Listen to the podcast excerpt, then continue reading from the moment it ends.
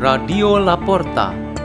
The door is open for you for the growing of knowledge and wisdom of God.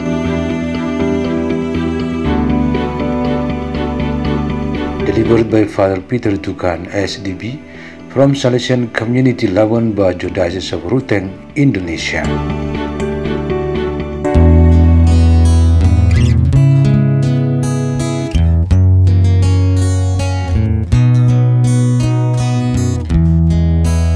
Reading and meditation on the Word of God on Tuesday of the 21st week in Ordinary Time, August 23, 2022.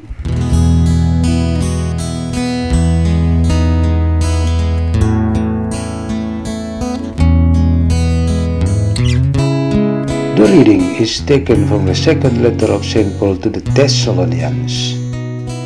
We ask you, brothers and sisters, with regard to the coming of our Lord Jesus Christ and our assembling with Him, not to be shaken out by your minds suddenly, or to be alarmed either by a spirit or by an oral statement or by a letter allegedly from us, to the effect that the day of the Lord is at hand. Let no one deceive you in any way. To this end, he has also called you through our gospel to possess the glory of our Lord Jesus Christ. Therefore, brothers and sisters, stand firm and hold fast to the traditions that you were taught, either by an oral statement or by a letter of ours. May our Lord Jesus Christ Himself and God our Father, who has loved us and given us everlasting encouragement and good hope through His grace, encourage your hearts and strengthen them in every good deed and word. The word of the Lord.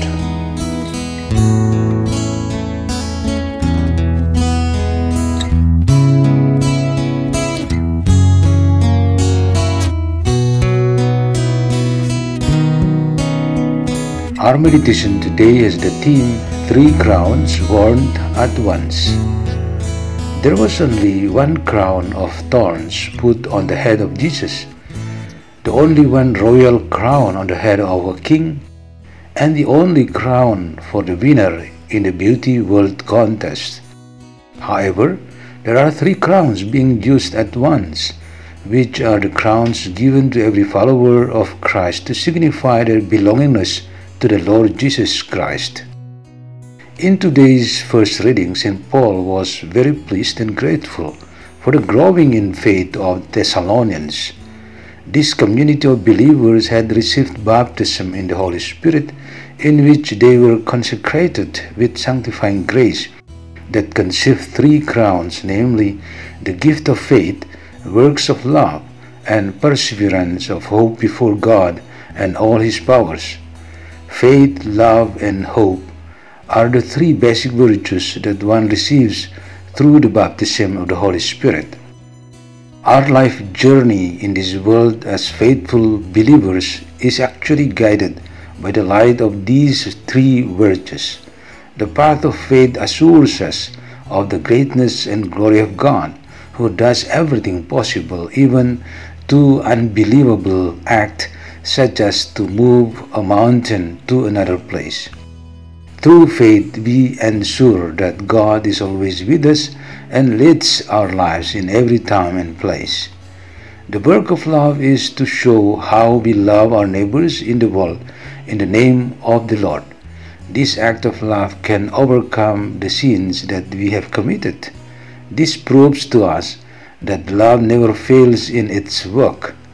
Through hope, we are able to withstand various challenges, difficulties, sufferings, and a willingness to repent and become renewed. Living with hope means that we look ahead to the happiness and perfection which is our ultimate goal. The Lord Jesus Christ, our King and Teacher, is our main standard and He is our source of happiness. When faith is not strong enough and tends to decline, it is to Jesus to whom we ask for its strength. If our expressions of love do not bring good results because they are merely words and promises, we must ask Jesus for their uh, effectiveness. Even if we are weak in hope or we easily give up in our life's struggles, we must ask Jesus for his assistance. If we want to grow healthy in these gifts of the three crowns, then we should be able to avoid the behavior and mentality of the hypocrites and oppressors like that of the Pharisees and scribes. We do not want to be rebuked by Jesus with a harsh statement such as this Woe to you! On the other hand, through the empowerment of these three crowns, we hope we will obtain what Jesus always said in his teaching that we will become perfect like the Heavenly Father who is ever perfect. Let's pray. In the name of the Father, and of the Son, and of the Holy Spirit, Amen. O Lord, we ask for your blessing so that our lives will always be under the light of faith, love, and hope in every moment of our lives. Hail Mary, full of grace, the Lord is with thee. Blessed art thou among women, and blessed the fruit of thy womb, Jesus. Holy Mary, Mother of God, pray for us sinners now and at the hour of our death. Amen. In the name of the Father, and of the Son, and of the Holy Spirit. Amen. Radio La Porta. The door is open for you.